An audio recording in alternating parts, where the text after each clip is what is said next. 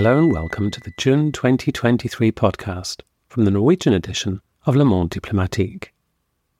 My name is George Miller, and my guest this month is journalist Glen Johnson, who has a piece in this month's paper on Moldova's difficult choice between strict neutrality and throwing its lot wholeheartedly in with the West. Moldova is a small landlocked state between Romania and Ukraine of some two and a half million people.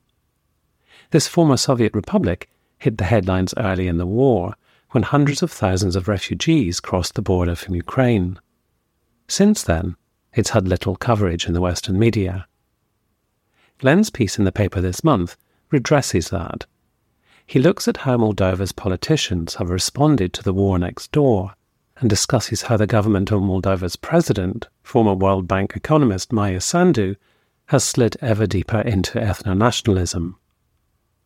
Popular protest at the cost of living, inflation reached 34% last year, has meanwhile been co opted by the Shor party, headed by Ilan Shor, a fugitive oligarch sentenced to 15 years in prison in absentia for his role in a billion dollar theft from three Moldovan banks a decade ago. Glen is currently based in Ukraine, and when I spoke to him earlier this week, I began by asking him what had prompted his visit to Moldova this March. Well, we'd had the resignation of Natalia Gavrilița, who was the prime minister, and lots of rumors that emanated from Ukrainian intelligence that it was going to be a coup. I wasn't buying it, but I wanted to go over anyway to just to talk with everyday people, construct a story, and use the fact that Moldova was in the news again to try and get out a piece that might might give some different context than what you'd see in, in Western media more generally. And what kind of people were you hoping to talk to when you when you were there? Well, obviously the the protesters, uh, you know, that were being organised by Ilan Shor and the Shor Party, you know, civil society, just to, to get, get a general impression of sort of the cleavages in, in the country. Because, as I think your piece in the paper makes clear, the Western media has tended to overlook Moldova in certainly in you know since the start of the war there was perhaps an initial amount of interest devoted to it as as refugees began to arrive there but it it hasn't featured very prominently in in Western coverage and it might be useful for people listening to this who perhaps don't know a great deal about it. They may know that it's a, a small state between Romania and, Ukraine and that it's a post Soviet independent state now. But could you just maybe sketch out what you think is, is useful for people listening to this to know about the, the sort of post Soviet history of, of the state? Well, you know, Moldova didn't really have a history of of self rule. You know, it was an Ottoman vassal part of the Russian Imperial Russia, part of the Romanian Kingdom, and then a Soviet Republic. So there wasn't a really experienced political class that could manage the country. And in the sort of the, the devastation that followed the, the Soviet dissolution, I think what tended to happen politically is it became politics was a tool for personal enrichment that had a dragged, held the country back. And it, it's continued for up until Sandu was elected. And often politicians would play ethnic groups against each other and they'd, they'd um, sort of compete because Moldova's sort of torn between East and West. So you'd have these sort of geopolitical concerns leveraged for political gain. It's very dysfunctional sort of politics. It wasn't didn't seem to be about how to build the country in these environments, the worst people tend to bubble to the to the surface. Yeah, we've we have seen that pattern repeated, I think, in a lot of different countries in similar situations. The other thing, which I think is probably useful for people to know at the start, is about the breakaway territory of Transnistria, which was already expressing its unwillingness to be part of Moldova, even right back at the beginning. I think even just before Moldova became an independent state. So, what is it about Transnistria that makes it not want to be part of that that wider polity? You know, well, ethnic Russian, basically, a lot of a lot of Russian speakers, and I think probably cynical manipulation by by the leaders over decades in Transnistria. you know, it's a tool that Russia uses to try and keep Moldova within its sort of orbit, what the Kremlin perceives as its orbit. I imagine there is very strong public sentiment um, that is supportive of the Kremlin, as I've seen in other breakaway territories like Abkhazia, for example. But there'll also be a lot of people who are very pro Moldovan. One thing that I noticed over the past year as positions began to radicalize in Moldova is a lot of young, sort of civic activist types, people that are getting Western grant money, would be saying, no, no, no, nobody in Transnistria actually wants this. They want to be with us problem there is you're dehumanizing swathes of the population. You're denying them a political, an authentic political identity. And what about on the on the key questions of Moldova's attitude to the EU and to potential NATO membership, which have which have clearly been such powerful attributes of Ukraine's pivot from from from the east to the west. Does how how does Moldova's stance on those things uh, compare? a large percentage of people in Moldova are fed up with corruption in the judiciary. Uh, they want security services reformed. They want a healthy, functioning economy that provides for their needs. And I think they, you know, a lot of people look to the EU. They'll have a lot, maybe even relatives there that send money back, and they view this as an opportunity to uh, better the country, to finally sort of have a better life and yeah, attitudes towards the EU they can fluctuate quite a bit. So I was in Gagauzia, the autonomous zone, in 2017 for a while, and attitudes like pro-EU attitudes, just from memory, had plummeted to about 35% because the ruling party at the time was saying, yeah, we're pro-Western, we're pro-EU, and they were very clearly corrupt. So you're gone from the sort of high of 70 or 80% support, something like that, a decade earlier, or seven or eight years earlier, to it plummeting. And I imagine it's gone back up again now. But Moldova has candidate status to join the EU. But at the time of the outbreak of war, it had a, a policy of strict neutrality. So, those those facts being so, how has Moldova, or how did because I think you, in your piece you describe a sort of evolution of its stance on the war. So maybe you can say a little bit about how it um, how it initially responded to the outbreak of war in Ukraine, and then we can maybe talk a little bit about how that has has since evolved. Uh, well, I thought the the government's response initially was very very good. They emphasized constitutional neutrality, and they condemned Russia's invasion, which is illegal and morally wrong. So there's no question about this they did what they could. You know, it's a weak state to support refugees. That was mostly outsourced to civil society groups, a group called Moldova Pentru Pace. And I thought that was pitch perfect because, well, Russia's force was weak. 200,000 was not enough soldiers to achieve what they were hoping to achieve. But I also don't believe the Kremlin was ever interested in a Moldovan conquest. I think if they could have, they would have taken Odessa and linked up with Transnistria, and that would have been sort of the end. They don't want to rule Moldova, in my opinion, just like they don't want to rule the Baltic states because people hate them. You know, a lot of people hate them. So that, you know, the government's approach was really, really good. I was impressed. And then it started to change over the course of the year. Um, and I think Sandu, who is a Romanian ethno nationalist and a, a free marketeer who sort of idolizes the concept of the EU, saw this as an opportunity to pursue her vision for Moldova. And the public sentiment, you know, in terms of NATO, it's around 60% still support neutrality is their best form of defense, their security guarantee. And in my opinion, they're absolutely right in, in that. You know, there's other ways to deal with Russia. I think Sandu and PAS, the political party, they're not being adult anymore. They need to accept that, yeah, we are caught in this kind of, you know, geopolitical sort of gray zone, and diplomacy is the best thing we can do. As much as we condemn what Russia does, we have to acknowledge that we're still in their neighborhood, which sounds terrible to a Western listener, but that's sort of the reality. Um, but that's not what's what's happening.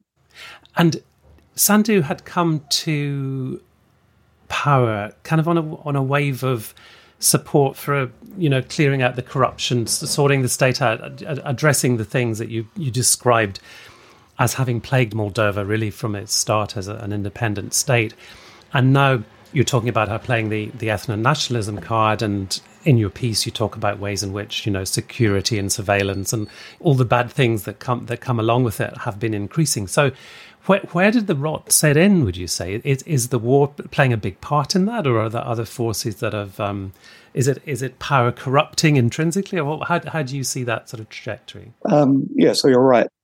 You know Sandu initially came to power after the sort of reign of Vladimir Plahotniuc, who was a you know very corrupt, pretty nasty, probably you know the rumors are organized crime, sex trafficking is ways he made his money initially, and yeah, the public was was fed up with this. But the thing is, well, anti-corruption, okay, good. Nobody wants corruption, but it's a very nebulous concept. It's not a it's not a way of running a country. It's not a policy platform. It, it appeals to people, but you know, okay, we're going to sort out corruption, but what else? So, in terms of where the rot set in, I think Sandu. So, I was, t- I was speaking with one of the foreign ministry's policy advisors about June last year, and I, you know, I was I was willing to give Sandu a chance at the time. And this person said, "Well, you know, yeah, she loves Bucharest. You know, Bucharest is Bucharest is, is in her heart." So I think Sandu has always had these tendencies. This is, you know, in a in a a multi-ethnic nation, uh, it's it's quite normal. Um, but I think with you know Russia's initial special military operation failing miserably, this was a moment where she could pursue this breakaway from out of the Russian sphere, so to speak. And that's driven, I believe, by ethno nationalism. She is very pro Romanian. And yeah, over over the course of the year, I mean, I don't know. I haven't talked with Sandu or, or Recean or, or Governor Liță, but I imagine there was significant pressure being put on them also. Um, so I, I, talked about a, a, Jamestown Foundation in the piece, a, an article by uh, one of their senior fellows, and he's saying, you know, Moldova has to militarize. It should be, whether it likes it or not, we in the West should devise it um, security guarantees and and make it a NATO member by any other name. And the hubris there just bewilders me because it's not responsible. If you we've seen what happened with militarization in Ukraine, and I'd hate to see the same sort of things happening in Moldova. And what kind of forms did you see the ethno nationalism take, or have you heard the ethno nationalism take in, in Moldova?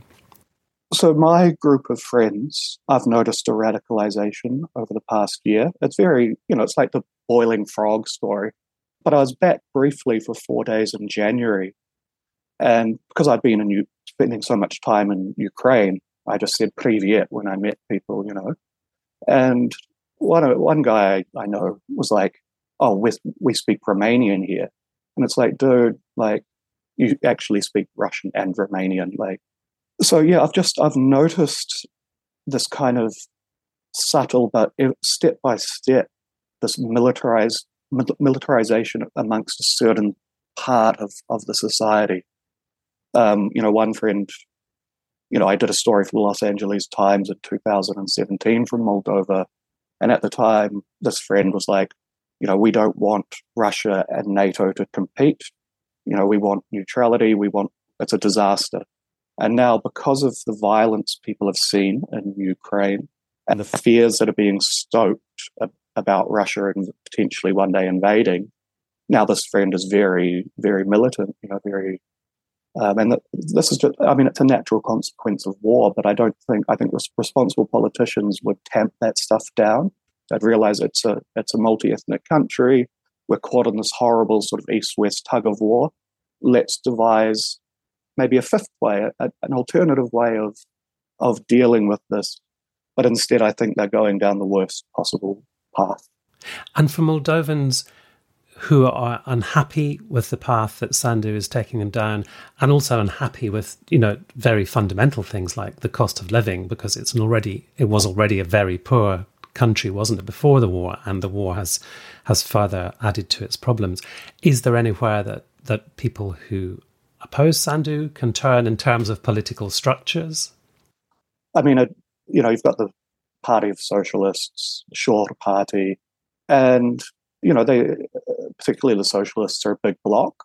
But for someone who's not disposed towards those parties, well, where are you going to look? There's not really, from what I've seen, any any decent alternative, you know. Um, and yeah, I mean, the protesters that Shor has been agitating, you know, it's it's really sad because these people have genuine, legitimate concerns. You know, you know, the government doesn't listen to them. So, for example, I a few months ago I was reading, I was on Facebook and I saw a disinformation monitor from from Chisinau, someone who's paid by you know US out of Western money to monitor Russian disinformation. And the protesters had gathered outside like the opera house or something like that.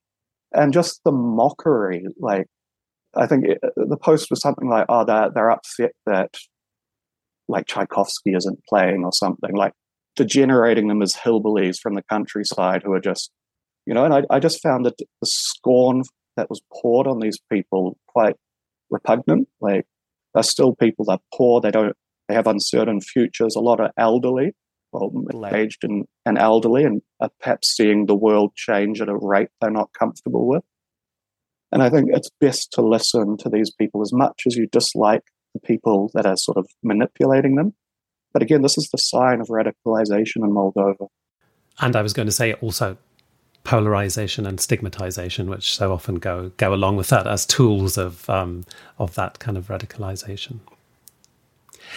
You mentioned the name of Dorian Recean, the the current prime minister, and you also write about him in in your piece. Why is he significant? Would you say is he is he part of the the sort of drift or the the, uh, the, sort of architect of the drift towards a sort of more securitized state and a, a manipulation of ethno nationalist rhetoric? Well, so in the story, I I quoted an IRI poll from the end of last year, and it found that 58% of the public disapproved of Sandu's actions while president, and 64% disapproved of the government. And that's a result of the, their failure to address cost of living, you know, other things outside of their control, like inflation, well, largely outside of their control, but also what is their plan for Moldova? What to turn it into a tech hub? Well, that's not going to help your your rural labourer who can't get work. You know, yeah, it'll help your base, you know, the civil society types, but that's not a plan. Um, and I just think they're out of ideas, particularly in the world we live in. More hyper globalization, relying on more Moldovans going to Europe and sending remittances home, or European companies coming in and setting up factories for car parts where they pay people three bucks an hour. That's not a plan. Like, and so I think as much as sort of the elites in Chisinau pour scorn on a large percentage of their compatriots, people are smart enough to realize this government doesn't have a plan. And that's a lot of what's driving, you know, it's not just the shorter people. When you've got 64% of the public dissatisfied, well, that's, you know, that's not just an oligarch stirring up problems. This is widespread public opinion. And I think because they don't have a plan, they decided to stir up fear, stir up militarization. I mean, it's the oldest trick in the book. And so that's what they're doing. And where Recean comes into it, well, he was the interior minister when the billion dollar theft happened. And to my mind, how competent are you if that happened under your watch? To my mind, clearly not very, very competent but he was an advisor, security advisor. He gave a speech, I think it was November last year. It might have been a military academy or something, I can't remember exactly. The American and British ambassadors, German ambassadors were there, and he's, he's saying, you know, we need to put security front and center, blah, blah, blah. Um, and so I think that PAS and Sandu devised a plan to pursue a securitization policy absent having any substantial economic policies outside of just, you know, standard neoliberal, well, free marketeer stuff. Um, and so that's the path they went down. You know, you've got bellwether local elections, I think in October this year. And I think PAS will probably get wiped out. So, just to conclude, Glen, we've been talking about a country that's in a a dangerous neighborhood, dangerous part of Eastern Europe, which is in serious economic difficulty, which has a government without a plan, which is therefore resorting to the, the lowest common denominator of, of ethno nationalism. And also, as you touched on earlier, where, where the West has ideas about what Moldova's future should be. So, what do you think is going to determine, or who or what do you think is going to determine Moldova's future, given those weaknesses and given those vulnerabilities and given those problems? What is what is going to determine where Moldova is in the next few years? Well, just to to speak to the the ethno nationalism. So, for example, April last year, they the government banned symbols that glorified the Soviet Union, like St. George's ribbon, on the pretext that, well, Russian troops are using it in Ukraine where they've committed war crimes, therefore we're going to ban it. You know, for example, part of the National Library was gifted to the metropolis of Bessarabia, Romanian Orthodox Church. Well, Sandu announced it would be. You know, recently we saw armed anti-corruption police raid the Electoral Commission in Gagauzia, horrific, and make off with um, voter lists. And the elections, by the way, were were totally clean. Like, there's another thing is, you know, so they've come out and said they're going to change Victory Day from March uh, May 9 to May 8, and call it the day of commemoration and reconciliation for those who fell in World War II. Previously, Sandu had come out and said Ion Antonescu, the Romanian dictator, was a person we could, quote, say good and bad things about.